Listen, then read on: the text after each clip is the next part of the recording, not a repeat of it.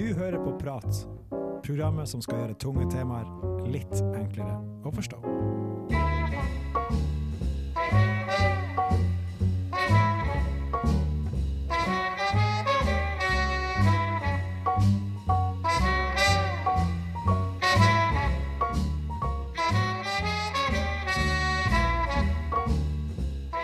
Mitt navn er Jørgen Steen, og i dag skal vi prate om filosofi. For å finne ut av hva filosofi er, inviterte jeg to filosofiforelesere og bachelorstudent Torjus Bredvold inn i studio. Vi skal få frem hva filosofi er, hvordan det har påvirket verden, og hvilke spørsmål filosofi prøver å finne svar på.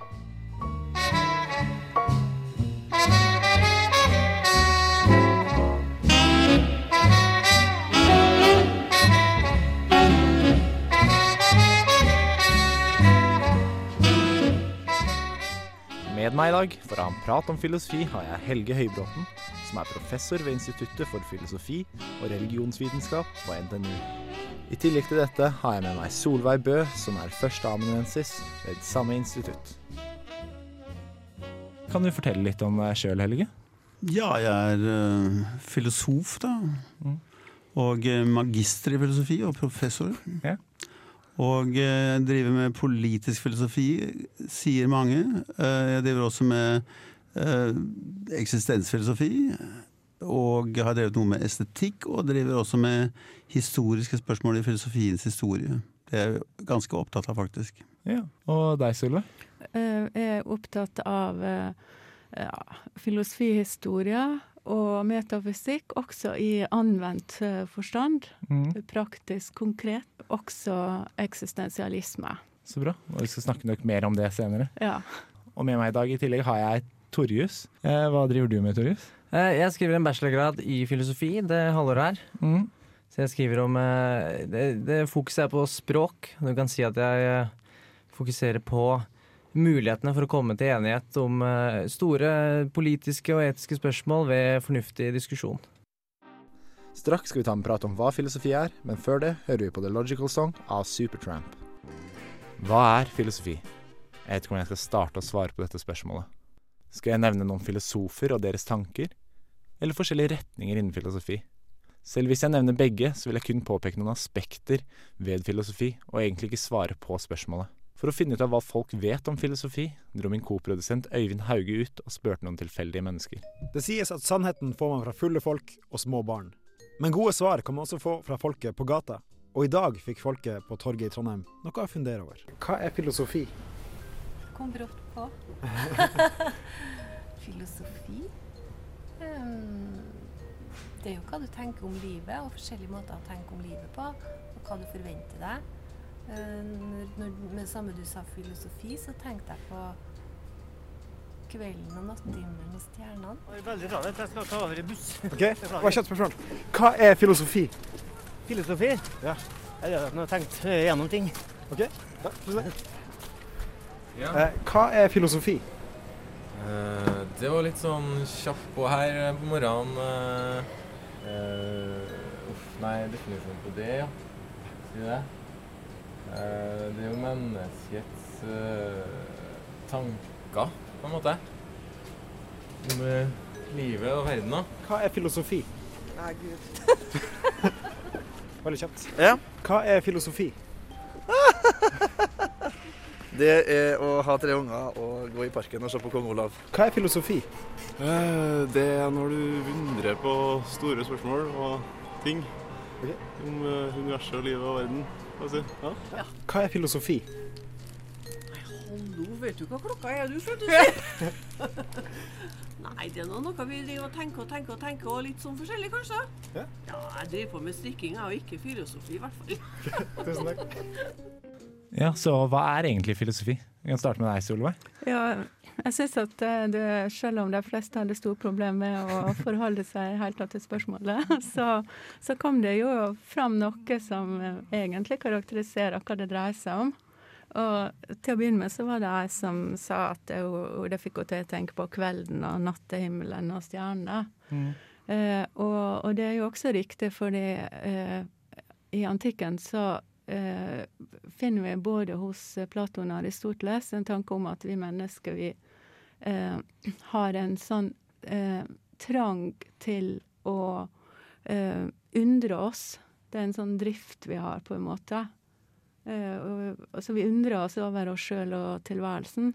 Og filosofien den har utgangspunkt i denne her eh, undringa. Og filosofi betyr eh, bokstavelig talt da kjærlighet eller eh, sånn begjær etter visdom. Helge, hva tenker du? Ja, filosofi er jo um, forskjellig fra religion. Ja. Det er også forskjellig fra vitenskap. I en viss forstand så er filosofi faget før vitenskapelig arbeidsdeling. Det ble oppfattet som uh, vitenskap i gamle dager. Eh, og eh, grunnen til at det ble oppfattet som vitenskap, var også at man oppdaget at eh, mennesker kunne stille spørsmål om ting. Og jeg skal ikke si at religionene ikke stiller spørsmål, men bare gir svar. Men la oss si at religionene gir svar. Ja. Og så gir de også i ritualer som vi gjennomfører. Det er ting vi gjør. Et ritual er noe vi gjør når vi forærer Gud, eller hva det måtte være. Eh, filosofi er da eh, å forstå i forhold til det som noe som liksom begynner med et spørsmål og en undring, og så skal svarene også være eh, svar. Altså, de skal ikke bare være, bare være besvergelser eller, eller 'jeg gjør noe', men de skal forsøke å åpne spørsmålet slik at, eh, at man kommer inn i mulige svar. Så hvis man får et konkret svar på noe, så slutter det å være filosofisk? Nei, men altså ikke sant eh, Filosofi er ikke eh, en befaling. Nei. Eh, En eller annen sier til deg 'gjør det og det', så utfører du ordren, og det er for så vidt greit nok, men filosofi er ikke da at man da soldaten sier til offiseren 'nei, hvorfor spør du om det', hvorfor gir du meg det, den befalingen der', for det gjør man ikke i Forsvaret. Men, men, altså, men filosofi er å ikke betrakte forrige innlegg som en befaling, men som eh, et mulig innlegg i en debatt hvor spørsmålene avgjør og ikke beslutninger. Jeg er helt enig med, med dette her eh, som, eh, som Helge sa. Men eh, i tillegg så vil også filosofi ha å gjøre med å, å eh, sette grenser i den forstand eh, at en ser inn En klarer å innse eh, begrensninger for ens egen fornuft. Sånn at ikke spekulasjonen eh, går, går vilt. Og det ble også etter hvert et viktig, viktig prosjekt som er veldig godt i filosofien til Kant. Sette grenser for eh, metafysisk spekulasjon. Eh, Hva tenker du? Kunne du gått litt mer inn på det? Fordi det er mange av lyttere som Ja, ikke Det, har lest det er jo det, så. også noe du finner tidligere, når f.eks. Aristoteles eh, eh, eh, snakker om, om universet som, som eh, begrenser, mm. ikke sant? Så eh, Nei, nå kom jeg inn i en feil eh, retning her, Helge. Men iallfall uh, uh, eh, Aristoteles snakker om universet som begrensa, men så kommer Kant uh, lenge etterpå og sier at det, det er et eh, svar som, uh, som ikke er mulig å begrunne. Så når det gjelder om universet er begrensa eller ikke, så, så må vi la spørsmålet stå eh, åpent, ubesvart. Fordi vi ikke har svaret? Ja, for, ikke, ikke bare fordi vi ikke har svaret, men fordi at vi ikke vil kunne komme fram til svaret. Det, det er umulig å komme fram til svaret? Ja, altså Kant mente noe slikt i forbindelse med en rekke spørsmål, at, eh, at det finnes grenser for hva vi kunne komme fram til. og Han mente at vi kunne begrunne det, at vi ikke kunne komme med begrunnede svar i enkelte eh, sammenhenger. Han gjorde det. Når det gjelder akkurat spørsmålet om hvorvidt verden er uendelig eller ikke, så, så er vel ikke forskningen og filosofien uten videre enig med Kant i alle uh, de tingene han sier der. Men det, det er jo mindre viktig her. Altså det viktige er uh, at uh, filosofene eller, eller den filosofiske fornuften, altså det, det som liksom driver med filosofi, kan komme til å se på spørsmålet om det har sine egne grenser. Mm. Eh, og spørsmålet om hvorvidt man kan innse egne grenser, eh, det er viktig i filosofien. Mm. Og det, det er også viktig i forhold til dette skillet mellom, eh, mellom filosofi og religion, fordi at eh, en kan argumentere for at eh, en ikke kan gi noen bevis for Guds eksistens. Og dermed så vil eh, spørsmålet oppløses og bli meningsløst. Så det, det ligger da utafor eh, den rasjonelle eh, fornuften sitt område. Så det er en del spørsmål som vi kan undre oss over, som filosofien faktisk kan fortelle oss at disse spørsmålene kan vi ikke komme fram til svar på. Ja, fordi filosofi godtar at man ikke har et svar. Altså, Iallfall Kant forsøkte det kritikk av den rene fornuft, å bevise at man ikke kunne eh, bevise Guds eksistens. Eh, han forsøkte å plukke feil i de berømte gudsbevisene som fantes på det tidspunktet. Og var spesielt eh, smart kanskje i forbindelse med det såkalte ontologiske gudsbeviset. Ontologisk? hva- Ja, Det er altså det beviset som sier at Gud eksisterer fordi Gud er et perfekt vesen. Og hvis et perfekt vesen, hvis et perfekt vesen er perfekt, så må det eksistere fordi ellers vil det ikke være perfekt. Ergo eksisterer Gud. Så det er et sånn sirkelargument, hørtes det nesten ut Det er mange som da tenker at det må være et sirkelargument eh, når man hører det for første gangen, men på den annen side eh, så går det an å vise at eh, noe sånt nesten var forutsatt i grekernes filosofi, og også i skolastikken. Riktignok så ble denne tanken kritisert i skolastikken, altså middelalderens filosofi. Men den er snublende nær eh, å være en sentral premiss i mye av filosofiens historie. Og Kant eh, sa da nei, dette går ikke, eh, fordi eh, hvis du sier f.eks. at du har eh, 100 daler her, mm. eh, og så sier du liksom at eh, eh, 100 mulige daler, altså en mulig gud, eh, er like bra som eh, virkelig eh, da er daler. Altså når det går over fra 100 muligheter, daler til, til, til, til 100 virkelige dalere, så sier Kant eksistens, det som du der uh, legger til, så å si, for at mulighet skal bli virkelighet, Mm. det, det er eh, Det er ikke en egenskap ved noe. Altså Gud eh, At Gud eksisterer, det er ikke et spørsmål om å få en egenskap i tillegg til mange andre. Altså Gud kan f.eks. være gul eller blå, eller han kan være kjærlig eller kunnskapsfull, eller altså han kan være allvitende. Eh, Og i tillegg så er han da perfekt, og hvis han er perfekt, så må han eksistere. Eksistensen der, eh, det er ikke en egenskap, det er bare et spørsmål om eh, de 100 dalerne de har jo forskjellige egenskaper, ikke sant? også som mulige. Eh, De må jo være til å betale med som mulige darter også. altså i betydningen, at Hvis de er virkelige, så vil de være til å betale med. Eh, og Du kan beskrive en 100 dollars seddel i all slags detalj. Hvis den er en mulig, så, så, så er det ikke en egenskap den mangler. Den mangler eksistens. Ja. Altså spørsmålet, spørsmålet er ikke om den har den egenskapen i tillegg. Er om den er- eksisterer. Ja, ja. Og Derfor sier Kant at dette beviset, eh, det ontologiske gudsbeviset, det er basert på den feilaktige premiss at eksistens er et predikat. Predikat? En egenskap. Ja. En, et predikat er noe man tillegger et subjekt, ikke sant? En Ja. setning. Uh, Gud er perfekt. Uh, men uh, predikatet eh, er ikke det samme som eksistensen. Hvorvidt Gud eksisterer, er ikke snakk om eh, at den har en egenskap i den forstand som du har når du legger et predikat til et subjekt. Det er ikke helt enkelt. Nei, det er, eh, det er mye som skjer. Eh, Dere snakket litt om eh, at, det var, at filosofi var en vitenskap. Men da antydet dere at det ikke er det nå. Hva er, eh, hva er filosofi da? Filosofi kan en si dreier seg om å reflektere over det å være menneske og det å være menneske i verden. Mm. Altså den tilstand, den, den menneskelige tilstanden. Og den finner vi ikke noe ut eh, av ved å eh, forske innenfor eh, nevrofysiologi eller anatomi eller biologi som sådan. Mm. For det, det beskriver jo oss bare som organisme, og hvordan, hvordan alt henger sammen og fungerer. Men det sier jo ingenting om, om tankene våre, og hvordan det er å være oss, og, og hva som kjennetegner et samfunn, osv. Torjus, du hadde noen spørsmål her. En ting jeg for så vidt eh, lurer på, er eh, for eh, Eller det er mange, mange filosofer, i hvert fall på 1900-tallet, som har skrevet skjønnlitterære verk. Og det er jo også mange romaner som omtales som filosofiske. Men jeg lurer litt på hva er det Hvor kan Eller hvis filosofi ikke er vitenskap i dag, hvor går i så fall skillet kanskje andre veien mot skjønnlitteratur? Hva er det som skiller skjønnlitteratur og filosofi i dag?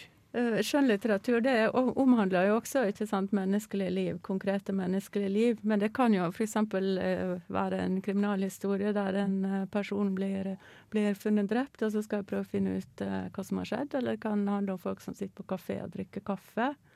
Mens eh, filosofien prøver eh, å forholde seg til eh, mer grunnleggende menneskelige spørsmål direkte, som har å gjøre med ja, menneskelig frihet og ansvar og, og, og den type spørsmål som, som du ikke får fram gjennom å skrive en historie om to venninner som sitter på kafé og drikker kaffe. Men er, det, er man da rett i å kalle en, en filosofisk eh, skjønnlitterær forfatter Kan man da kalle han en eh, filosof? Eh, Hvis det blir Hvis det er filosofisk tema som blir tatt opp som menneskelig frihet, f.eks., som Sartre jo gjør. Så det, det fins ingen sånn klare grenser for når eh, eh, skjønnlitteratur blir filosofisk interessant. Det er veldig mye skjønnlitteratur som er det. Så 'Fremmede' da, av Camus er her. Er det mest filosofisk, eller er det mest skjønnlitterært? Det er jo begge deler. Det er ikke sånn at du må velge. Du, du må si at eh, ja, det er mest filosofisk. Det Ja, okay. mest Det er, kan ha begge egenskapene. Ja. Ja, Albert Camus var jo på en måte en slags filosof til egentlig til å være forfatter. Han fikk vel det bare gjennom skjønnlitterær, sånn som myten om Sisyfus og Mm. lignende. Ja, Han skrev også en bok som heter 'Opprøreren', som er et filosofisk verk. Ja, Som er rent filosofisk. Rent, men iallfall filosofisk. Ja, ja, nei, det er vel der hvor går grensa igjen? Mm. Jeg har lyst til å føye til noe når det gjelder forholdet forhold til eh, litteratur og vitenskap. og Det er at, eh, at det er jo ikke, det er jo ikke sagt eh, og opplest og vedtatt i dag at filosofi ikke er vitenskap. Det er mange som mener det, at filosofi er en bestemt form for vitenskap. Og det finnes nokså tekniske deler av filosofien som arbeider temmelig vitenskapelig uh, på den måten. Og i det hele tatt i filosofi så, så er det jo like knallharde krav til til eh, stringens i forbindelse med publikasjoner og andre sånne ting, som i andre fag. Men uh, det er litt større kontinuitet i forhold til, til andre former for, for bruk av fornuft, holdt jeg på å si, i filosofi. Eh, det, er i en viss forstand et bredere fag, fordi det var eh, så å si eh, faget før den vitenskapelige arbeidsstillingen.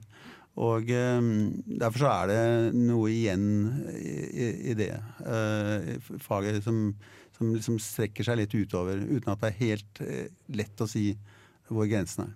Ja. For det er jo, ja, føler at filosofi inspirerte alle de andre vitenskapene. Men det vil jeg gjerne snakke om mer i neste del. Jeg vil bare kort innom det nå. Men det er også humanora humin, humin, Humaniora. humaniora. På, på Gløshaugen heter det humanoria. Oh, ja, På- humanoria, på på Dragvoll heter det humaniora. Ja, ok, ja. Det er ikke alltid så lett. Eh, Veldig viktig forskjell. Ja, Ja. jeg skal lære det. Eh, ja, hvorfor er filosofi innenfor den kategorien?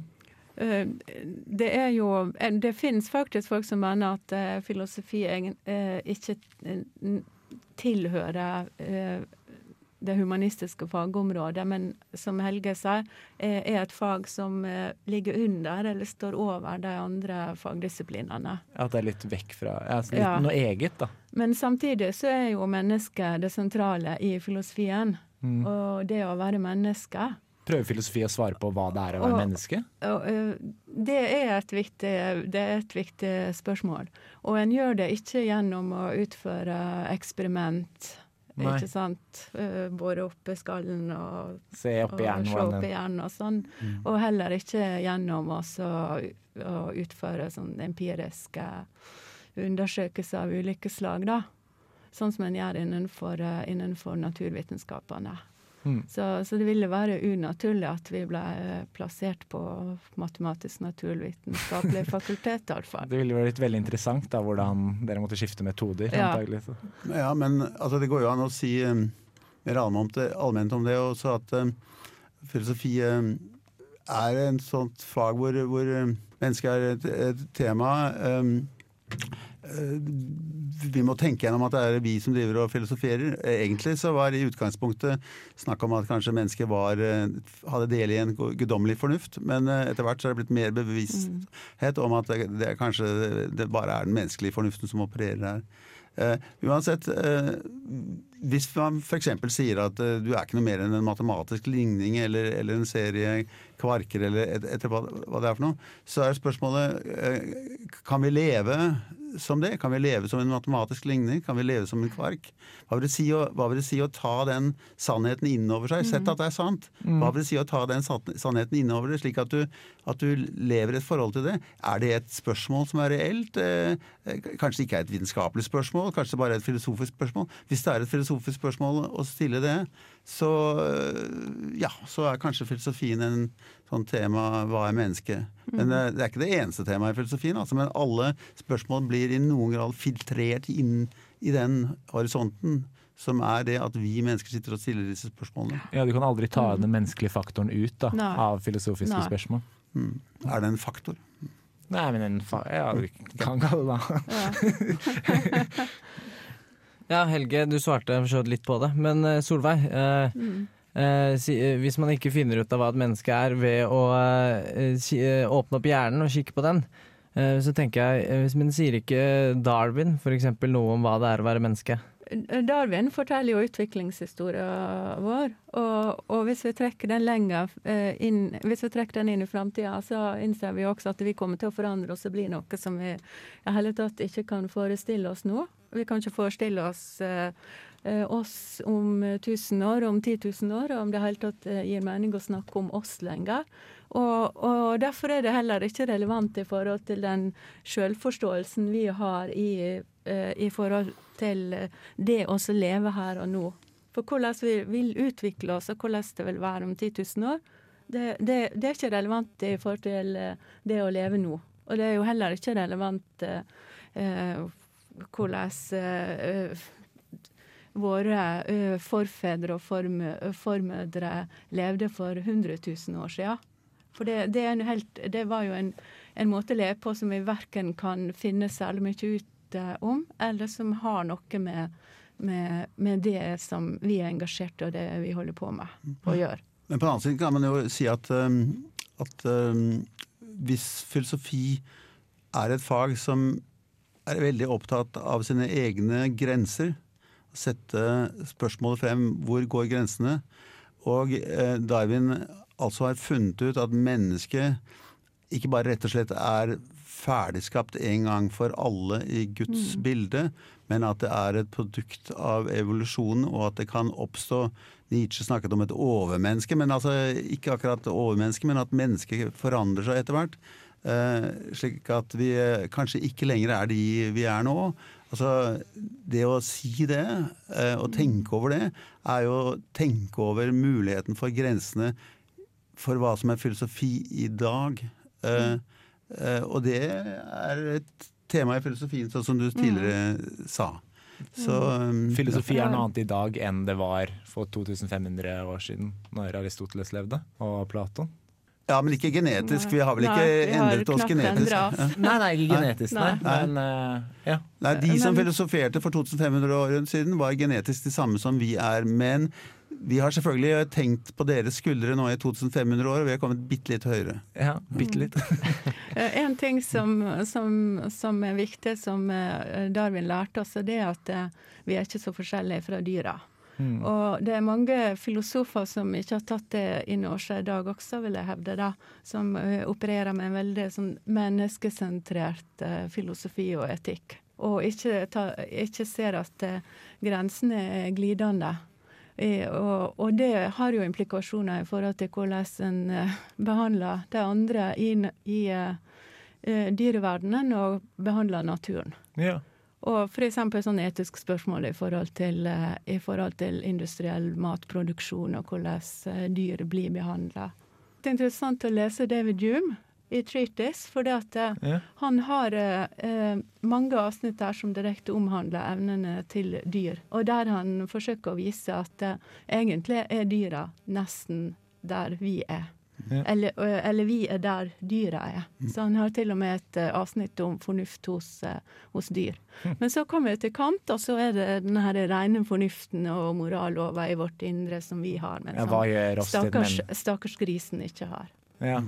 For du kan prøve å finne hva mennesket er, da. Ja. Hva som er unikt menneske, og det er fornuften han konkluderer med. Mm.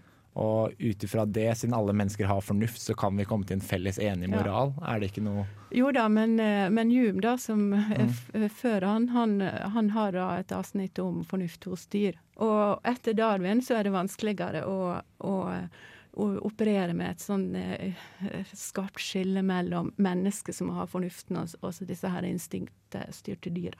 Dagfinn Føllestad var i mm, Trondheim i går og fortalte at hvis et menneske ikke kan føle noen ting, så kan det heller aldri ha noen moral, for de vet ikke forskjellen på godt og vondt. Vi er nødt til å kunne ha noen følelser for å kunne tenke om godt og vondt. Så du mener at, eh, at moral er basert på følelse? Ikke Vel- ren eh, rasjonalitet? Iallfall så er følelser grunnleggende viktig for å få eh, moralgamet i gang. Hvis du kommer til verden uten følelser, hva gjør du da da? Du kan jo um, reflektere over hva som er riktig og galt etter hvordan du vil at andre skal oppføre seg mot deg. da. For eksempel å bli kutta armen til noen ville vært dumt, fordi du skjønner at å miste din arm er galt. Da trenger man jo ikke følelser inn i bildet for å forstå det. da. Altså Hvis du f.eks. ser et barn blø i hjel på gata, og du ikke gjør noen ting fordi du ikke er i stand til å føle hvorfor det er galt. Skal du da se en eller annen form for fasitbok laget av en eller annen mm. fysiolog, eller hva det måtte være, eh, som sier liksom at det å blø i hjel på gata er å miste livet, og det er galt, derfor skal du hjelpe dette lille barnet nå? Og så går du da bort og gjør det? Jeg tenker mer at hvis jeg hadde vært i samme situasjon, så ville jeg helst ikke blødd i hjel. Derfor hjelper jeg dette barnet, så jeg Men hvis det du, ikke, hvis du ikke kan føle at livet har noen verdi, hvorfor er det så fordømmende at det farlig at du ikke skal blø i hjel? For da stopper du å eksistere. Ja, men hvorfor er det så farlig, da? Det er jo også, også bare en følelse. Og, og hvis du er i en sånn situasjon, så tenker du kanskje ikke heller. Du handler først og tenker etterpå. Ja. Da, da kommer, prøver du å begrunne hvorfor du har handla sånn. Sånn at det er følelsene som har gjort at du sprang bort for å prøve å stoppe blødninga. Da er det instinktene som spiller inn, da. Men hvis Ja, du, men da spørs det hva, hva er et instinkt er. Det, Ja. det er jo også et veldig interessant spørsmål. At det ikke er noen grunn til å forvente at en ultrarasjonell robot skal komme opp med en eh, god moral. Nei. ja. Eh, Etter alt vi har snakket om, kunne du oppsummert hva filosofi er? Så jeg vil nå bare si det samme som jeg sa i utgangspunktet, at filosofi er eh, forskjellig fra religion.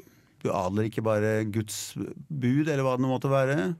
Eh, du spør. Du tar deg rett til å vurdere svarene. Og eh, så er spørsmålet om dette er vitenskap. Ja, i stor grad så er det det, hvis det er profesjonelle filosofer det dreier seg om i dag, for de er ansatt som vitenskapsmenn og -kvinner og må eh, oppfylle kravene til formell eh, drøfting osv. Men filosofi er ikke én vitenskap, eh, på samme måte som eh, andre vitenskaper kanskje er én vitenskap, hvis de nå er det. Men de er, det er mer sånt kanskje ute og går i, i vitenskapene. Filosofi er eh, på en måte noe som overlever innimellom, og kanskje og litt over og litt under vitenskapene, som grensespørsmål. Eh, hva er eh, liv? Biologi svarer på det spørsmålet, men filosofi tenker jo om hva liv er også. Og spesielt ut fra menneskelig liv, som vi da gjerne bruker som tilgang, så, så, så tenker vi over det. Og tilsvarende kan man stille for andre områder også. Det er ikke bare mennesket og hvem mennesket er, men, eh, men andre ting også som er gjenstand for filosofi. Men, eh, men vitenskapene har på en måte gjort opprør og tatt en god del av eh, stoffet vårt, og så gjør de ting med det, og så kanskje vi reagerer, fordi filosofer har Mm. reagert eh, og fått noe produktivt ut av det. Og det filosofiske er igjen knytta til, til det vitenskapelige. På en måte der vi ikke bedriver empirisk vitenskap, men, men der vi som filosofer står for refleksjonen over å være den som driver vitenskap, som lager kunst, og som, eh, som eh, skaper samfunn. Det er vedtatt. Det er vedtatt. Da avslutter vi der. Straks skal vi prate om hvordan filosofi har påvirket verden, men før det hører vi på Red Telephone av Love.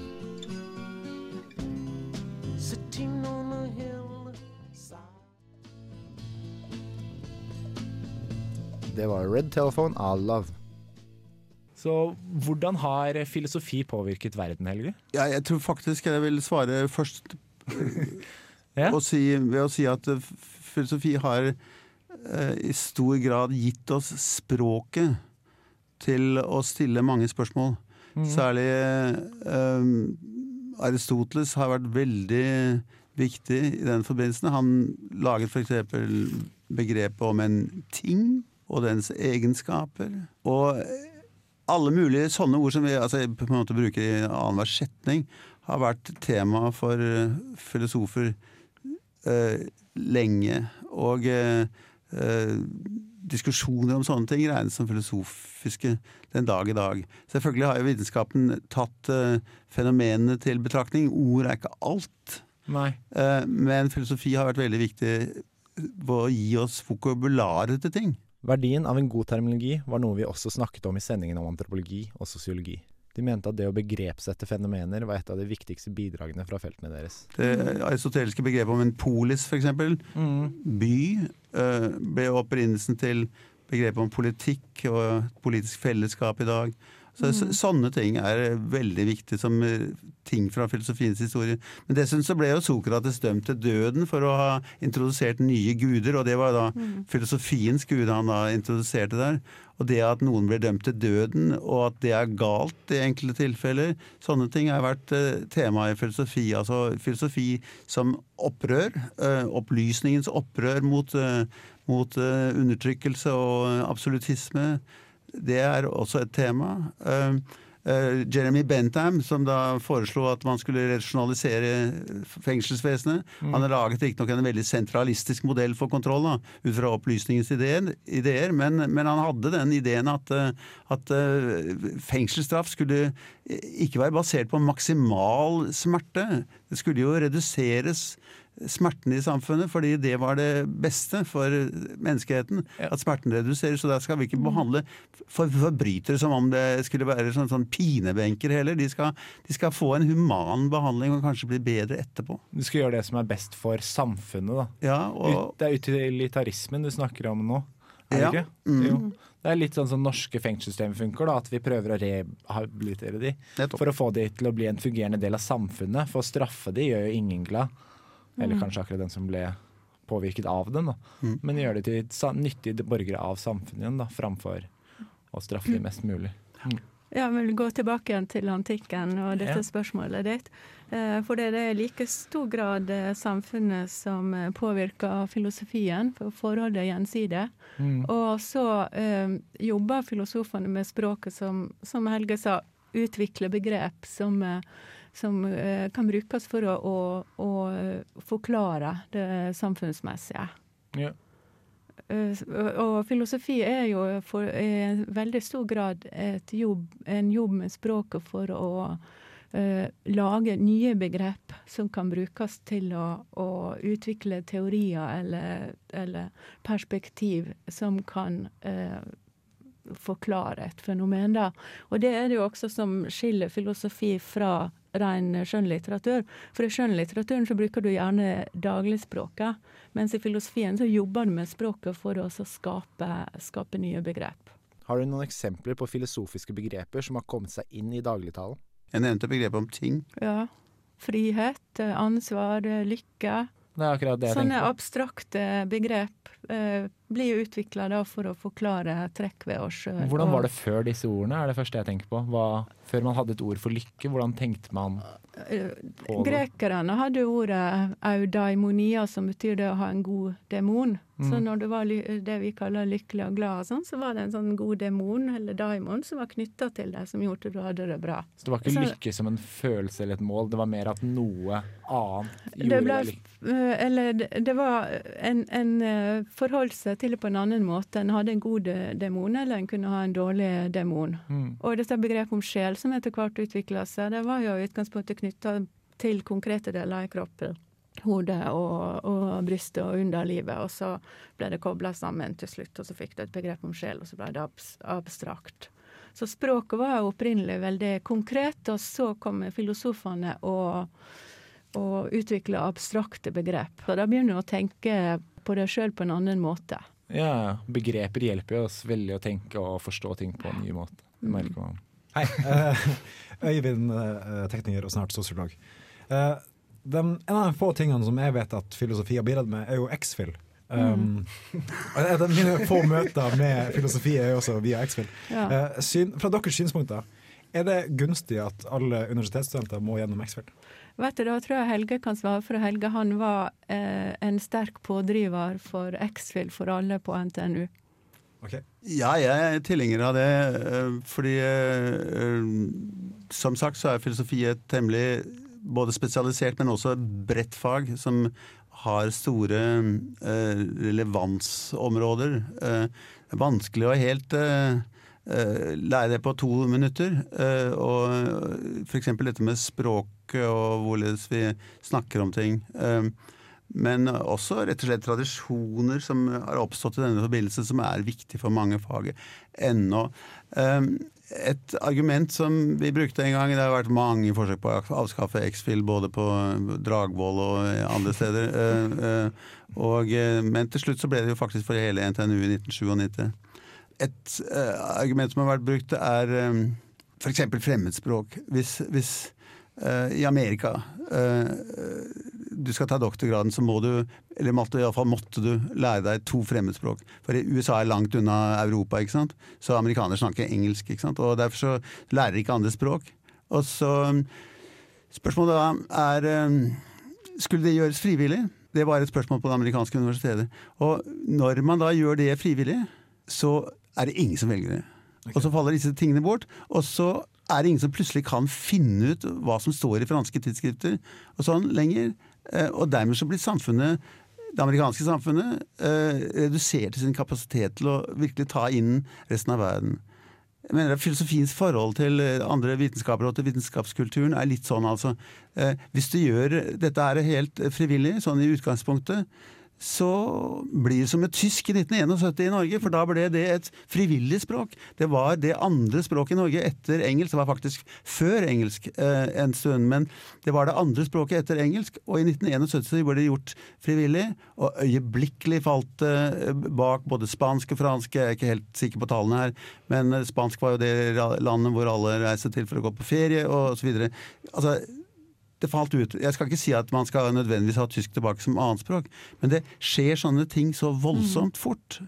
Eh, og filosofi er faktisk eh, en ganske viktig del av vår eh, bakgrunn. Og, altså, hva heter han Jostein Gaarder skrev jo denne boka, som av og til ble en erstatning for filosofi en stund. Men den er ikke tenkelig, den boka, uten X-Fill som ordning i Norge. Og den ble da en bestselger rundt i verden. Det kan man jo tenke på. Så X-Fill gir oss på et redskap da, som vi trenger, utover det vi studerer. Ja, det er jo eh, mulig å kalle X-Fill en del av vårt forsvar, men eh, altså det, er, eh, det, er, det egner seg også til angrep, da. Eh, Jeg, jeg spurte jo når jeg hadde, når jeg hadde X-Fill, så spurte jeg direkte Ståle det her, da, for han var foreleseren min. Hva er egentlig poenget i det? da? Jeg var Mm. nysgjerrig, da, det var ikke for å hakke ned på han. Ja. Men han sa at for å virkelig forstå For å være et danna menneske og virkelig forstå de politiske debattene, så må man forstå hva ordet frihet betyr. da. Mm.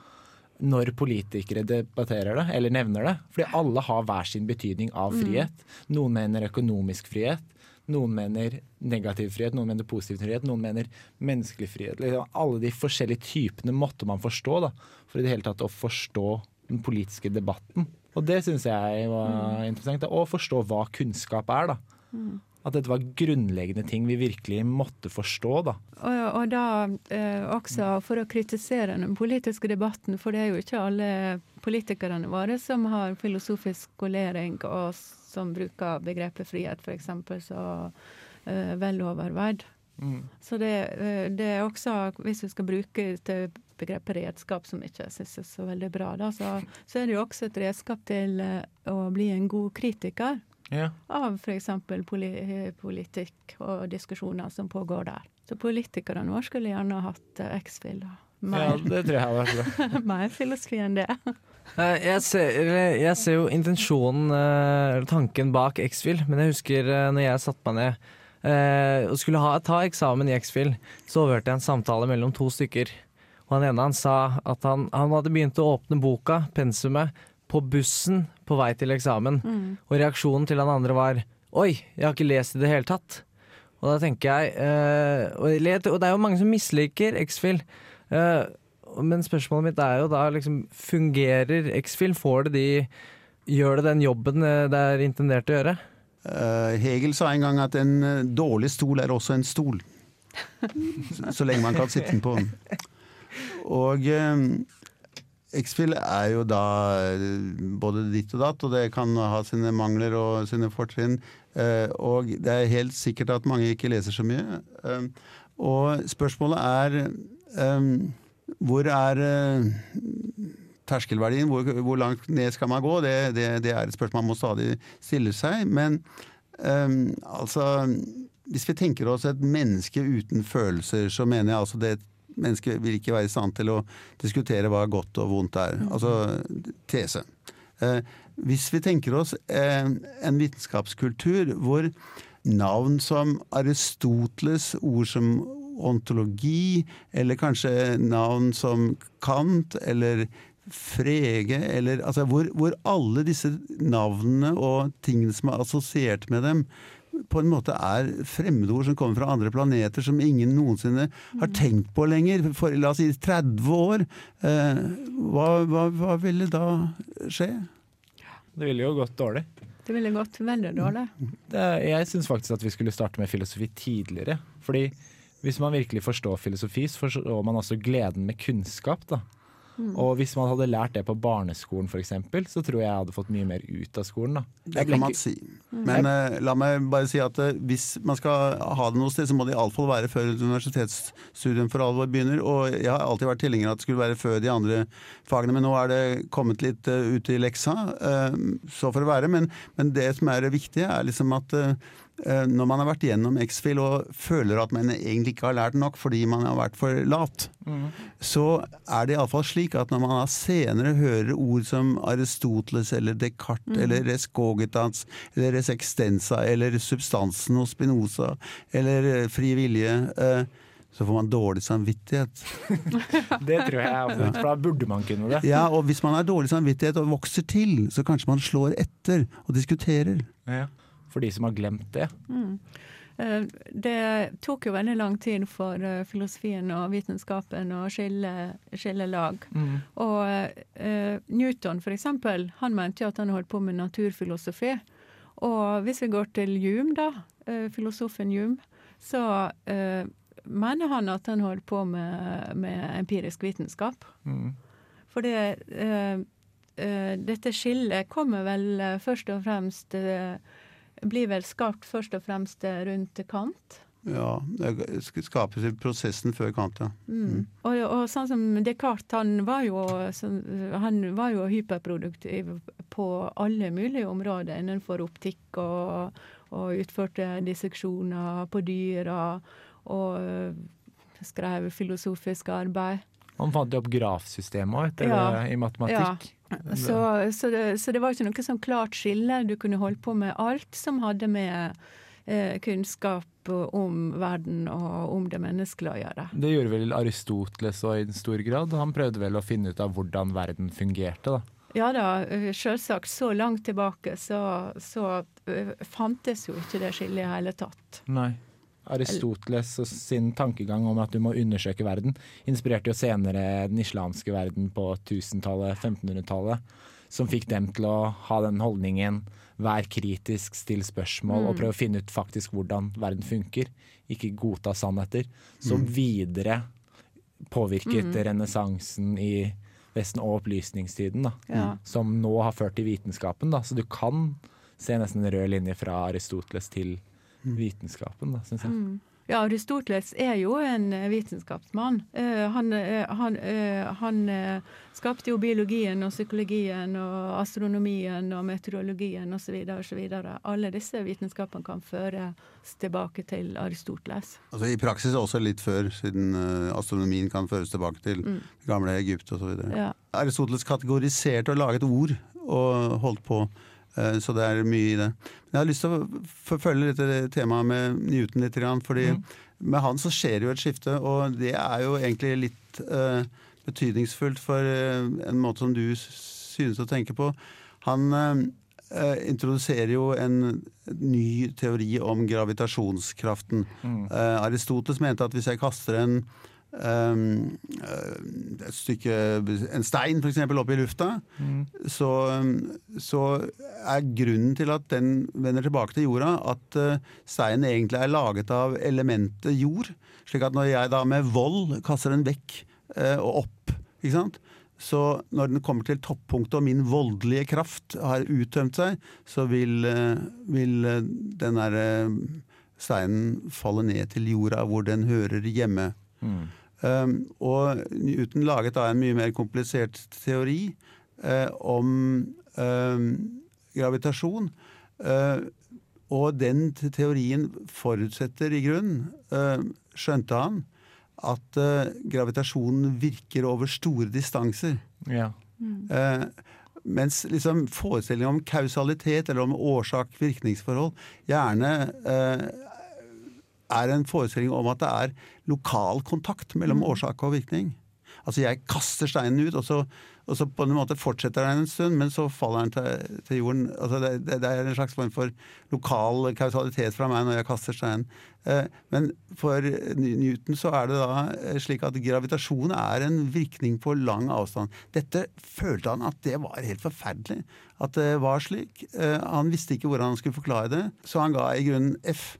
Eh, Men det han da gjorde, var å formulere matematisk lovene for gravitasjonen. Og så sa han ok, det er mitt bidrag. Det er vitenskap. Det løser ikke de filosofiske problemene. Og så gikk det bare 100 år, og så var det plutselig slik at fysikerne sa at uh, den som stiller dette spørsmålet om hva som er bak det, har ikke forstått Newton. For nå er det ikke noe problem her. Det er, det, det er bare matematiske ligninger som, som forklarer dette her. Og det gjelder å lære seg disse tingene. Og sånn ble det helt til eh, Einstein, for da begynte rom og tid og få forbindelse med hverandre, og tingene forandret seg litt igjen. Men, men altså eh, Newton satte grenser for filosofien. Altså, jeg har lagt eh, inn et vitenskapelig arbeid her, jeg veit ikke helt nøyaktig hva det er.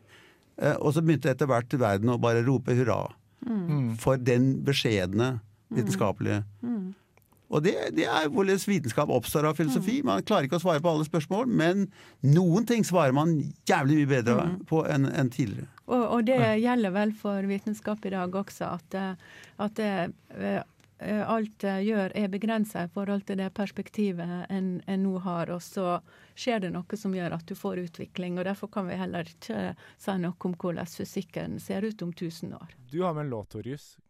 Hvorfor tok du med akkurat den? Jo, dette er en låt som knytter hulelignelsen til Platon opp mot moderne fysikk og psykologi. I hulelignelsen sitter en gruppe mennesker lenket fast i en hule.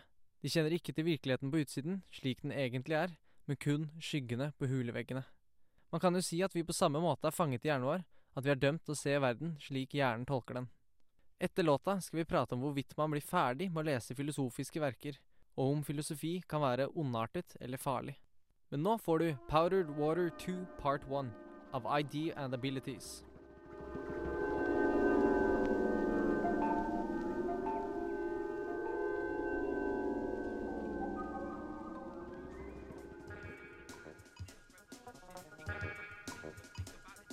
Det var Powdered Water 2 Part 1 of ID and Abilities. Det har vært en eh, voldsom utvikling eh, i eh, vitenskap generelt i flere hundre år.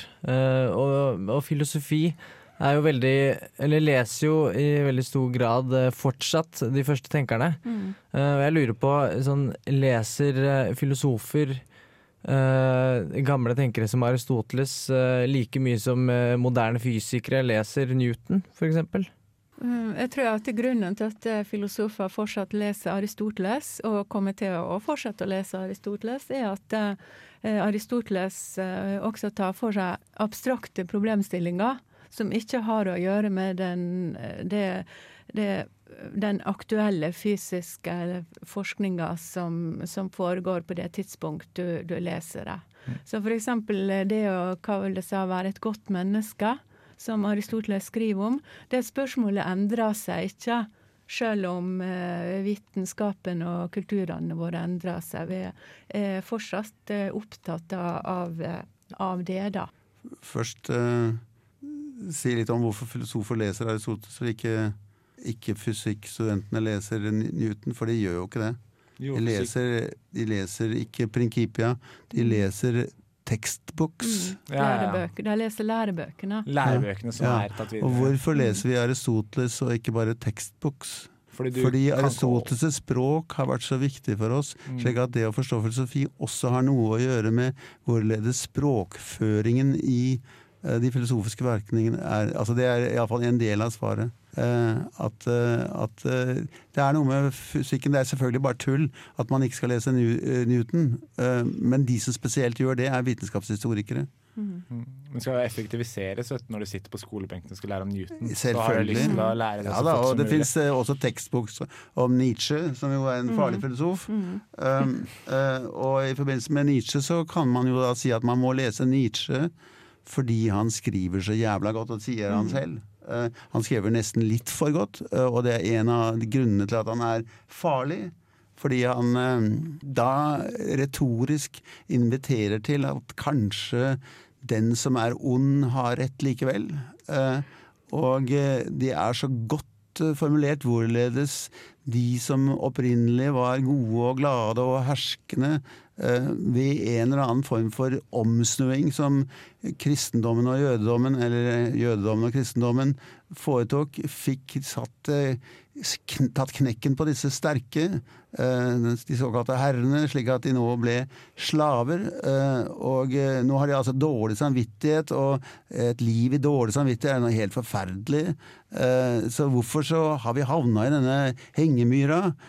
Nietzsche forutsetter på en måte at det er noe sånt som har skjedd, og at vi må gjøre noe med det. Det er jo farlig å si at vi ikke skal leve med dårlig samvittighet. Men det er kanskje noe produktivt i det også. Og um, ja um, For å kunne diskutere med Nietzsche, så gjelder det iallfall å lese ham oppmerksomt som en filosof som forsøker å overtale deg med alle mulige slags midler. Vi snakker jo litt om, eh, eller i hvert fall vært inne på, eh, filosofiens eh, bidrag her. Og jeg lurer på, finnes det filosofi, eller filosofer som er farlige? Som kan filosofi være eh, trussel eller eh, farlig, rett og slett? Mm, Jeg, jeg tror at eh, filosofien eh, kan være et onde, ikke pga. tankene som blir ut, eh, uttrykt, men pga. leseren som eventuelt da blir dogmatisk og låser seg fast i en filosofisk posisjon og får tunnelsyn. Og, og det, det å på den måte sjalte ut andre synspunkt, andre teorier, det er potensielt farlig. Hvis du tror at du, eh, den her eh, posisjonen uttrykker det sanne, det riktige, og sånn må, må vi tenke. Da kan filosofien bli farlig, men da på grunn av at den blir gjort farlig av eh, den som leser. Det er litt sånn som vitenskap, da. Det er den som bruker det. Hvordan du bruker det som er vondt eller snilt. Og det samme er jo Mm. Du kan jo si Hitler ble kanskje litt inspirert av Han mistolket det kanskje litt, da. Han leser ikke Nietzsche. Men Gjorde han ikke? Nei. Man kjente vel uh, søstera hans, gjorde han ikke? Ja, men å kjenne søstera er ikke det samme som å lese. Og det er ikke Var det ikke herre- og slavmoral han leste litt om, og Übermensch og alt det der? Jo, det var jo klisjeer. eh, Ja. Og eh, man skal ikke undervurdere Hitler heller, men, men det er ikke noe vits i å drive og si at Hitler var en filosof. Nei, det var ikke det jeg påpekte, men at han eh, brukte filosofien Han brukte filosofiske temaer og sj- klisjeer osv. Mm. slik andre intelligente mennesker gjorde. Han var jo intelligent. Eh, og han brukte dem på skumle måter. Ja. Men eh, altså det spørsmålet som du tok opp, og som egentlig er veldig viktig, det ble jo artikulert eh, spesielt av Albert Einstein i forbindelse med atombomben, da Otto Hahn hadde spaltet atomet i 1938, så ble Einstein veldig fort klar over at nå kunne det komme atombomber. Og så begynte han å stille spørsmål er nå vitenskapen i ferd med å bli ond, eller må vi vitenskapsmenn ta ansvaret? Og eh, Det samme gjelder jo filosofi. Altså Filosofi har kanskje ikke så stor sprengskraft som eh, kjernefysiske våpen, men, eh, men altså mye filosofi har eh, eh, virket eh, ha- altså Filosofi har hatt store konsekvenser, men på en litt annen måte. Og, og, og, og det, det er klart man må stille ansvarsspørsmålet i Mm. filosofi, som på alle andre områder. På Mm. områder som har effekt, altså ting som har effekter, må, må, må diskuteres i sine konsekvenser. Filosofi er ikke unntatt derfra. Det er klart. forfatteren eller har leseren eh, skyld? Ja, det var jo du antydet Ja. leseren, men jeg vil si altså at forfatteren må jo selvfølgelig også være klar over sitt Mm. ansvar. Mm. Men uh, Nietzsche kan ikke ha ansvar for eh, hvordan han ble lest mange tiår etter at han uh, forsvant inn i galskap og død. Nei, det er, jeg er enig. Nei, ja, altså jeg mener at Nietzsche vel uh, gjennomgikk en utvikling fra uh, en tidlig stadium hvor han var uh, en slags venn og filosof for Kjært Wagner. Da hadde han en litt mindre ubeskjeden filosofi enn hva som senere kom ut. Han var gjennom en midlere periode hvor han var nokså åpen, og så bestemte han seg på et eller annet tidspunkt for at han skulle ha en filosofi om overmennesket og den Mm. evige gjenkomst, og en kritikk av slavemoralen. Mm. Den eh, kristen-jødiske slavemoralen, den jødisk-kristne slavemoralen. Og når han da bestemte seg for det, så begynte han å filosofifere med hammeren, som han sa. Mm. Og dette er, det var en beslutning, altså. Eh, Det var selvfølgelig noe som ble eh, evident for nå. Det var det han trodde og mente. Men han overtalte seg selv i noen grad til det, og han samtidig visste det. Det, finnes folk som har iakttatt at man sier altså at denne forsiktige, ytterst høflige mannen, uh, som var så forfinet at han nesten ikke kunne være ute i virkeligheten, han ble omformet til denne krafttypen, og så ble han gæren. Han burde ha tenkt over, og han har tenkt over hva det er der. Og han drev med et eller annet som, som kanskje kan motivere til krig, eller hva det var. Han var ikke bestemt på det. Han har ikke ansvar for ting, men han, han drev med noe som, som kunne bli til noe annet enn eh, enn ve og vel. Du har med deg en låt, Solveig. Kunne du fortalt litt om hvorfor du tok med den? Det, filosofi er jo en sånn erotisk aktivitet. Kjærligheten til visdommen det er en drift, en erotisk drift, som Platon skriver om. Og, og, eh, så, og, og filosofi er ikke religion. Det er ingen der som svarer. Så en eh, eh, Når en eh, stiller eller undrer seg over eh, eh, stjernehimmelen over en og andre ting, så, uh, stå, uh, så står den i møte med noe som, som, er, som, som ikke svarer, og det er stillheten som, uh, som råder. Så når du holder på med filosofi, så kan du komme til et punkt der du bare må slutte å snakke. Se på Helge. Helge slutter aldri å snakke. Jeg snakker litt for mye nå. Eh, og, og det syns jeg kommer til uttrykk i denne tittelen 'Silence is, is sexy', og samtidig så er det veldig bra musikk, syns jeg. Etter låta skal vi snakke mer om etikk og metafysikk. Solveig, du snakka litt om at du var interessert i metafysikk. Ja. Eh, interessert i metafysikk i en kanskje litt, eh, litt uvanlig forstand. Metafysikken har å gjøre med grunnleggende spørsmål knytta til slik som eh, substans og rom og tid og materialitet. Og jeg har i det siste da eh, vært opptatt av det sammen med andre som faktisk eh, driver konkret med å omforme skoff, stoff til å lage noe. Og, og sammen med et par andre på NTNU og utenfor NTNU, så har vi nå gitt ut en bok som heter RAW, Aesthetic Engagement with Nature, der vi ser på hvordan eh, det stofflige eller materialiteten kommer til uttrykk eh, når eh, eh, eh, den er forma av oss i arkitektur. Altså hvordan en gjennom arkitektur kan uttrykke det stofflige, eh, og ikke bare eh, det, det formale, det som har med form å gjøre.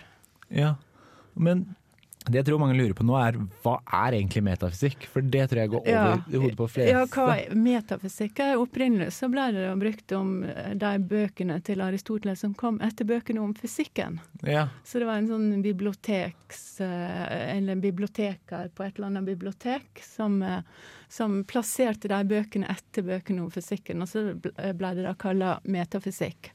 Men det er noe Eh, annet i dag, da. Men, men Aristoteles sjøl bruker det begrepet første filosofi om det som bøkene om metafysikk omhandler. Mm. Og de omhandler jo nettopp sånne grunnleggende begrep som vi må bruke når vi skal snakke om naturen. Nemlig det substansen og, og rommet og tida. I India så kan en menneske være skittent for det er tatt på et lik, Mm. og det blir skittent i lys av det.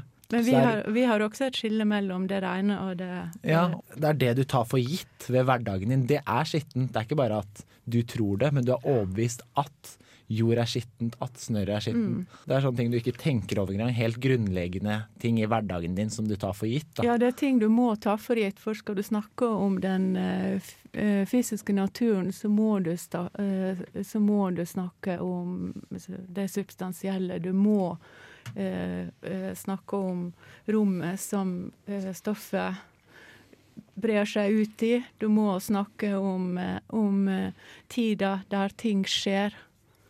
Og det er det metafysikken omhandler, da. Ja. Du nevner stoff. Hva mener du? Stoff har litt forskjellige betydninger i filosofi. Mm. Hva tenker du på?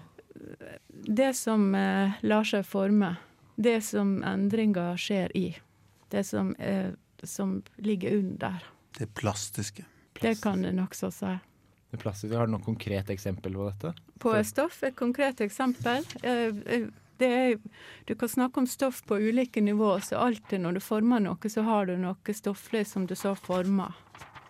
Så alt som du kan forme. Er en Mhm. tanke et stoff? En tanke kan også være et stoff hvis du har klart å konkretisere den tanken Ja. eh, eh, ved hjelp av begrep. Så, så kan det være noe du da igjen kan omforme. Men du, du kan ikke snakke om noe sånn diffust, eh, en diffus tanke. Det må være en konkret tanke, da. Ja, det må være, det må være Du må kunne bruke eh, denne her substanskategorien om det. Og Aristoteles han sier jo at virkeligheten består av ting. Så for å tenke så må du kunne tenke på noe.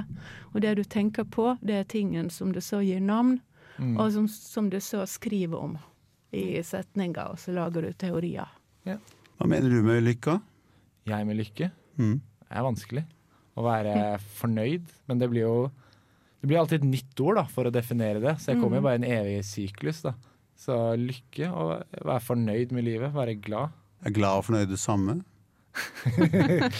Eh, nei, er du ikke litt fornøyd er gladere når du er glad enn når du bare er fornøyd? Ja, det er, det er en kombinasjon. Da. Det er det som er problemet mitt med språk. Det er at jeg har mye mer følelser og tanker enn jeg kan uttrykke med språket. Språket er veldig begrensende. For det sier jo at man, i forhold til, ifølge språket kan man ikke være apatisk og glad samtidig, fordi apati er ikke-følelser. Men jeg kan ha begge følelsene inni meg samtidig. Mm. Og derfor syns jeg språket egentlig er be mer begrensende ofte, da. Kanskje du da har misforstått begrepet apatisk, hvis du er glad mens du er Nei, men jeg kan apatisk. kjenne ikke-følelser. Jeg kan ha to følelser i meg samtidig. Jeg kan ha den følelsen av ikke noe, tomhet, men samtidig glede. At de, de er splitta, da. Jeg vet ikke hvordan jeg skal forklare det. Ja, man får ikke forklart alt med ord, da. Nei, ikke alltid, men eh, jeg vil jo anta at du har urett eh, når du sier at eh, språket ikke uttrykker dine tanker. Altså Selvfølgelig føler vi ofte det. Vi halter og får ikke ut og så videre. Men vi driver nå på. Og hvis det er noe som er sant, så er det vel det at eh, jo mer vi lærer av språk, jo mer klarer vi å formulere tanker vi ellers ikke kunne klare å formulere. Det er og vi, vi ville ikke ha kunnet tenke dem før vi lærte oss språket. Ja, det, den ser jeg absolutt. Ja. Jeg, Mm. jeg kan ikke skylde alt på språk. Jeg kan ikke skylde alt på at språket er for dårlig. Det er også min mangel Mm. på kunnskap om språket. Mangel på ordforråd i visse deler. Så selvfølgelig, hvis vi finner nye ord da, for å uttrykke de følelsene man har, så hjelper jo det. Men jeg tror fortsatt at det er ting man kan tenke, føle, som ikke går an å uttrykke i ord. da. Og det er derfor man har musikk, da, tenker jeg. Mm. Det er det som ikke kan uttrykkes i ord, det er bare følelser i sin rene form. Eller musikk kan jo også være abstrakt og uttrykke ideer og relasjoner mellom ting. Mm. Det, det er ikke bare følelser musikk dreier seg om. Nei, nei, men det også, selvfølgelig. Men det er ikke noe et veldig stort filosofisk tema musikk er eh, følelser. Altså at musikk og følelser har mye med hverandre å gjøre. Mm. Er klart. Men uh, musikk hadde jo også med matematikk og Mm. uh, harmoniene i kosmos i verden å gjøre. Hos grekerne var det slik at de matematiske proporsjoner i universet hadde toner. Så altså, musikk var egentlig samklangen i alt som var. Uh, hva mener du med lykke? For å slenge den tilbake til deg. altså, jeg, egentlig hadde jeg tenkt når du da sa det, eh, når jeg spurte deg om det, var liksom provosere deg til å si at lykke det er å få spise en iskrem. Eh, og enda en, og enda en, og enda en, og enda en. For det var den tanken Thomas Hobbes hadde i begynnelsen av nytiden, når han omdefinerte hva lykke var. slik at, det, at man liksom eh, ikke driver og snakker om at du kommer til himmelen og du er glad for at du skal se Gud i øynene, eh, eller sånne ting. Men liksom det er i grunnen bare å spise en itklem etter en annen, og så, og så utsette døden så lenge som mulig. Overleve for å få en nytelse til. Ikke sant? Og da er spørsmålet er lykke det. Eh, allerede Aristoteles mente at lykke var noe mer enn det. At det var å legge livet ditt an slik at, eh, at du eh, fikk en større glede i hva du gjør. Altså, mange ting er veldig vanskelig å gjøre i utgangspunktet, så du må lage et liv. Du må danne deg vaner, du må bli flink til å konfrontere situasjoner som du ikke behersker. Og så, når du har liksom kommet litt opp på bakketoppen, så kan du liksom strømme nedover som om du var vann, og føle at du, at du lever det livet du, du, du har ikke akkurat skapt deg, men liksom banet vei for. Men du kan, ja. Du kan jo også si at du kan bare overbevise deg om at det, er lyk at det du gjør, gjør deg lykkelig. Altså Som myten om Sisyfus, som Camus snakker om. At du kan bli lykke, Du kan overbevise deg sjøl om å dytte den steinen opp er lykke, da. Men er ikke det litt merkelig at han sier det, da? Ja. Og var det gjennom tankevirksomhet at han kom fram til det? Dreide det som en overbevisning? Var det kanskje gjennom aktiviteten at han følte at det her eh, på en måte gjorde godt? Det å gå oppover var tungt også. Mm. Gå nedover igjen, og så opp og ned, opp og ned. Du kan jo, ja, men du skaper jo din egen, din egen lykkes med, da, i faktisk bokstavelig ta- Ja, ja, men form, da. Det han sier, er liksom at eh, tenk deg, tenk deg eh, en som lever et liv som er verre enn en slave. Må Mm. hele tiden bære en stein opp en bakke, og så ramler den ned på deg. Det er en straff, ikke sant? Ja. Det er en straff som Sisyfos har fått. Og så sier han at selv dette gir mening. Eh, Men det er liksom sånn eh, Da sier man liksom at mennesket skaper mening uansett. Ikke sant? Mm. Og det, det verste eh, Jean-Paul Sartre sier også at den som er i et fengsel, han velger fritt fengselsmurene i en viss forstand. Det er jo en retorisk overdrivelse. Men de, de er ute etter begge to og sier liksom at vi er frie til å gi mening, selv om det er helt helvete. Ja, det er det jeg tenker på. Men er det lykke? Ja, det er jo Det er jo hva du føler sjøl, da. Det kan du jo velge sjøl. Kanskje det er frihet, men ikke nødvendigvis lykke? Nei, og det er jo ikke alle som ønsker å være, ha denne her friheten til å gi mening. Det er mange som bare som ønsker å leve et liv uten den uh, anstrengelsen. Så kanskje dette idealet om lykke er noe som en ikke bør strebe så voldsomt etter, at en da blir lykkelig hvis en Men skal man ta det andre definerer som lykke, da? For det er mange som ville definert å få en ny bil da, som lykke. Mm. Og det er vel preget av samfunnet siden bil ikke er noe som har vært hele tiden Ja, i mennesket, da. hvis det er mange. Det er sikkert mange som tenker sånn, da, men jeg vet jeg er ikke helt sikker. Men hvis du liker å kjøre bil, så kan Ja. du jo Men ja. Da er det, ja. Er det du som har skaffet den lykken da? Gleden i det? Er det du som Må du skape En noe for at det er en lykke? en Ikke skaper skape, jo ikke en glede. Er det du som blir lykkelig av det fordi du, du har, fordi du hadde blitt det uansett, eller er det noen andre som har sagt 'dette er bra', og derfor vil du ha det? For at det er, kommer det utenfra, eller kommer det innenfra, er vel det jeg prøver å Kanskje begge deler. Kanskje begge deler. Jeg har lyst til å si noe annet, og det er at eh, lykke er vanligvis noe du ikke kan intendere og produsere Mm. direkte. Det er ofte noe som kommer som en bivirkning, en gunstig bivirkning. Ja. Jeg tror hvis at en skal prøve å produsere lykke, så mislykkes en ganske sterkt, da. Hvis en ser, på, ser på det som et prosjekt en har. Nå skal en velge på en sånn måte at en blir lykkelig. Så Du kan jo se for deg konsekvensene av hendelser da, og gjøre det som gjør deg mest lykkelig. Ikke hoppe utenfor fjellet, fordi da brekker jeg beina mine. Og ja, men det er ikke en realistisk situasjon, for det er du på toppen av et fjell, så vil det ikke være fornuftig å bestemme seg for å hoppe utfor kanten, da. Nei, nei, men kanskje man kunne unngå å gå inn i en drikkebule.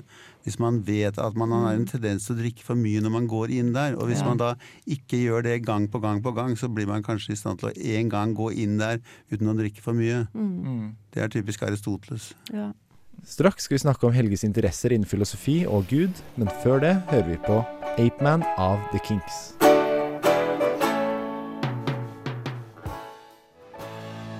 Det var det Kinks med låta Apeman. Hvilke deler av filosofi syns du er mest interessant, Helge? Eh, Hvis jeg skulle svare på spørsmålet om hva jeg er filosofisk interessert i, så har jeg liksom mer lyst til å si eh, at for så vidt så har det noe med etikk å gjøre, politisk filosofi, men eh, de facto så har jeg brukt mye mer av min eh, karriere til å tenke over eh, gudsbegrepet enn jeg trodde på forhånd. Eh, det har bare blitt til at eh, hva enn jeg driver med, så havner jeg opp eh, med med Gud, og jeg har spurt meg sjøl hvorfor, hvorfor, hvorfor det? Eh, og jeg kan i grunnen svare.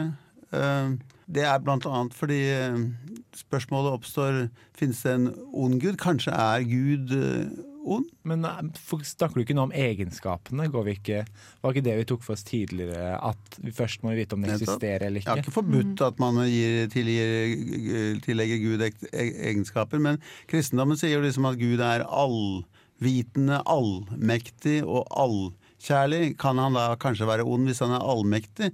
For Hvis han er allmektig, må han jo kunne gjøre onde ting. Hvis han ikke kunne gjøre dem, så var han ikke allmektig. Og eh, Descartes han reagerte på det ved å si at eh, jeg kan ta knekken på en sånn gud. Han ville ikke kalle denne guden for gud. Han kalte ham en ond ånd, men han antar i utgangspunktet, rent sånn uh, hypotetisk, at denne guden kan lure ham i alt, og at han har lyst til å lure ham i alt. Og så sier Descartes jeg kan likevel vise at denne guden ikke kan hindre at jeg tenker, og derfor er jeg. Det er jo cogito ergo sum. Det Ja. veldig kjente jeg tenker Jeg er. tviler på at jeg er. Jeg tviler på at jeg er, men i det øyeblikket jeg tviler på at jeg er, og tror kanskje at den guden eller den ånden har lurt meg til å tro at jeg er, så innser jeg at nei, det går ikke. For når jeg tviler, så tenker jeg. Og når jeg tenker, så er jeg. Vet du hvorfor eh, plutselig Descartes gikk fra å ha veldig gode kritiske tanker til å godta en fundamentalistiske svaret Gud er god, derfor finnes Derfor er ikke djevelen som lurer meg. Eller jeg er ikke helt sikker på hvordan han formulerte det, men Ja, Det første skrittet han tar, er å si at jeg tenker, altså er jeg. mm. Og så sier han da eh, OK, hvor skal vi gå videre fra det? Og da er han faktisk klar over at eh, det han har bevist, er at, eh, at han, jeg altså, eksisterer. Men jeg har ikke f.eks. bevist at den ytre verden eksisterer. Nei. Eller jeg har ikke bevist at du eksisterer engang. Mm. Eh, Jeg kan drive og kanskje tro at du gjør det, men egentlig har jeg ikke noe tilstrekkelige grunner for det. Og la oss eh, ta den ytre verden. Eh, Kan jeg virkelig stole på at det er den ytre verden der da? Hvis Gud eksisterer og er allmektig og god, så må da vel den ytre verden eksistere, for han kan ikke drive og lure oss med å gi oss illusjoner om at den er der hele tiden, for at det har vi jo faktisk. Altså. Vi, kan Ja. ikke, vi kan ikke tro liksom at den er ikke der. Vi tror jo det faktum at den er der. Og hvis vi da kunne bevise at Gud eksisterte og at han var god, så kunne vi kanskje stole på at det var en ytre verden. Og Det mener Descartes at han kan gjøre, og når han da eh, gjør det, så bruker han det såkalte ontologiske gudsbeviset, som sier at Gud er perfekt, og til perfeksjonen hører eksistens, og til perfeksjonen hører selvfølgelig også godhet. Og ergo, når vi har bevist hans eksistens, så kan vi anta en ytre verden. Og deretter så kommer du. Ja. Ja. Mm, men han godtar jo bare at Gud finnes. Det er ikke tilstrekkelig med belegg for påstanden der, da. Nei, Han måtte jo godta det for å komme seg ut i verden igjen. Ja, så ja. tvilen var så radikal at hvis han skulle unngå å bli låst inne i sitt egen, sin egen bevissthet, så, så måtte han ha dette gudsbeviset for å komme seg utover i verden og bli sikker på at det han erfarte, var var sant. Hume greide jo å kombinere det her da, ved å ha en egen tanke når han er for seg sjøl, og en annen med venner. Da. Han sa jo at han ikke ville plage vennene sine med de der radikale eh, skeptisismen. Da. Men han forsto jo at en øl liksom når han drakk øl, at han Mm. drakk øl. Da. Men han skjønte fortsatt at det egentlig ikke var noe bevis for at det eksisterte. Men han godtok at han eksisterte i virkelig verden. Da. Men folk sa likevel at det Hume drev med var uh, humbug, humbug. Ja. Det er bra. Da lærte folk eh, etymologien til det. Torjus, du hadde noe. Eh, ja, det var vel til eh, Descartes som vi prata om, men eh, han, eh, han godtar vel Guds eksistens i den grad at han sier noe sånt som at eh, eh, jeg har en oppfatning om et eh, fullkomment vesen, og jeg er et ufullkomment vesen. Eh, jeg kan ikke ha en oppfatning av noe som er større enn meg, og derfor må Gud ha plassert denne tanken i meg, Men som han- er et fullkomment vesen. Og det kan ikke være mer i virkningen Mm. enn i årsaken. Ja. Og Gud er virkningen. Nei, årsaken. Så da fant vi ut nå da, at Gud finnes. Det var greit å få konkludert er et lite radioprogram. Men ja. Det blir mye eller hørere, tror jeg. Lyttere. Lyttere. Mm. Ja. Nei, men um, det er jo ikke tilstrekkelig Han kan jo bare ha funnet på det, da. Nei, hvis- nei, nei, han var en troende kristen som ville gi en enda bedre begrunnelse for at Gud eksisterte enn andre hadde gjort før ham, og han tok altså det gamle beviset, det ontologiske gudsbeviset som stammer fra St. Anselma Canterbury, og så ble det forkastet av Thomas Akevinas, som kanskje er den mest innflytelsesrike filosofen i middelalderen. Eh, og så sier Descartes nei, Thomas har ikke rett. Eh, det er det ontologiske gudsbeviset som er det beste, og det gir absolutt sikkerhet. Men Eh, godtar vi jo ikke I dag kan vi jo se at det Descartes sier er feil. Ikke, ikke feil, men han, det er ikke nok belegg da, for det han Eh, sier. Vi lar oss ikke overbevise. Nei. For det, det, det, de, En kan vel ikke snakke om belegg, dårlig eller godt Nei. men vi lar oss ikke overbevise. Og, og spesielt det med at eh, hvis du har en idé om et fullkomment vesen, men innser at du sjøl er ufullkommen, hvorfor skal vi fra det slutte at dette her fullkomne vesenet må eksistere for en sjøl? Ikke er dette fullkomne vesen. Vi lar ikke oss overbevise av den tanken om at det må være like mye den virkningen Mm. eh, Nei, i, i årsaken som det er i virkningen. det er for et stort sprang da, fra Mm. premissene til konklusjonen. Da. Ja, men altså, det finnes i dag innenfor en av de mest tekniske grenene i logikk, som heter possible world semantics, eller modallogikk. Mm. Eh, mange filosofer som mener at de kan direkte bevise fra begrepet om en mulig verden at Gud eksisterer. Mm. Ved rent logiske midler. Jeg sier ikke at jeg er tilhenger av den te teorien, Nei. for det er jeg ikke. Men eh, jeg skjønner det kanskje ikke helt heller Nei. hva de driver med. Men altså, eh, det er nå som før folk som mener at de kan bevise Guds Mm. på den måten. Eller iallfall bevisse, ja, bevisse eller Guds mulighet for det at hvis noe er mulig, så må det også kunne være virkelig.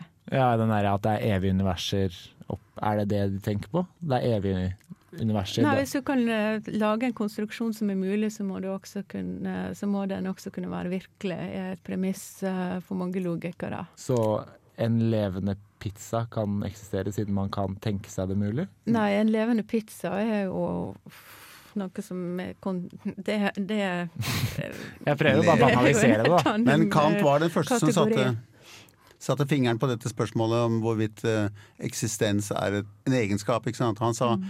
en mulig gud uh, er ikke en virkelig gud, uh, og en perfekt gud eh, At det skulle innebære nødvendigvis eksistens, sier han, det er en logisk brist. Mm. Eh, Men altså, andre filosofer har ikke blitt overtalt av det. Altså, allerede Hegel mente f.eks. at han kunne bevise Guds eksistens eh, ontologisk. Og, og, og dette har vært et tema siden der. Det er rett og slett ikke slik at disse spørsmålene er avgjort en gang for alle. Mm.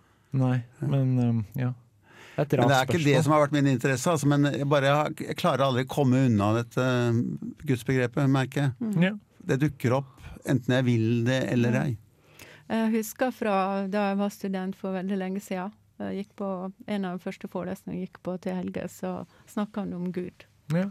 Jeg husker ikke hva som var tema for forelesninga, men iallfall Gud kom, kom inn i bildet, og da ble jeg litt overraska. og senere så har jeg jo hørt eh, Gud nevnt nesten hver gang jeg har hørt Helge snakke. Etter låta skal vi høre hvilke filosofiske verk gjestene anbefaler deg å lese. Her er In My Life av Jude Collins. Det var Jude Collins med In My Life. Nå er det nok flere av lytterne som er interessert i å lære mer om filosofi. Hva ville dere anbefalt dem å starte med? Eh, hvis eh, jeg skulle anbefale en bok, så ville jeg anbefalt uh, Phaidon-dialogen til eh, Platon, der han skriver eh, om de samtalene som eh, Sokrates har med eh, kameratene sine eh, siste tida før han dør. Eh, Jeg ville anbefalt uh, moralens genealogi til uh, Nietzsche. Uh, jeg, når jeg leste den eh, Jeg vet ikke om jeg skjønte stort, eh, men det var i hvert fall en eh, eh, enorm eh, leseglede. Eh, bare for lesingens skyld også. Men eh, han er jo en enormt eh, spennende filosof. Eh, Men jeg har aldri blitt så engasjert av noe jeg har lest i hele mitt liv, tror jeg. Jeg følte at jeg måtte liksom ut og gjøre et eller annet. Utrette et eller annet. Jeg måtte gjøre et eller annet som skal skape en forandring. Men jeg visste ikke hva. Jeg vil advare mot å lese moralens genealogi, og heller anbefale meg at man i stedet leser 'Grunnlegging til moralens metafysikk' av Immanuel Kant. Det er en bok skrevet i et magisk språk. Blir disse tekstene for vanskelig for de som vet veldig lite om filosofi? Eller er dette noe de kan starte med? Ingen av de tekstene vi har lest eh, nå er vanskelig for nybegynnere. En kan starte å lese det uten å ha lest eh, andre filosofiske arbeid, vil jeg si. Før vi avslutter helt, vil jeg gjerne takke Helge Høybråten, Solveig Bø og Torjus Bredvold. Tusen takk. Ja, tusen takk. Ha det. Ha det.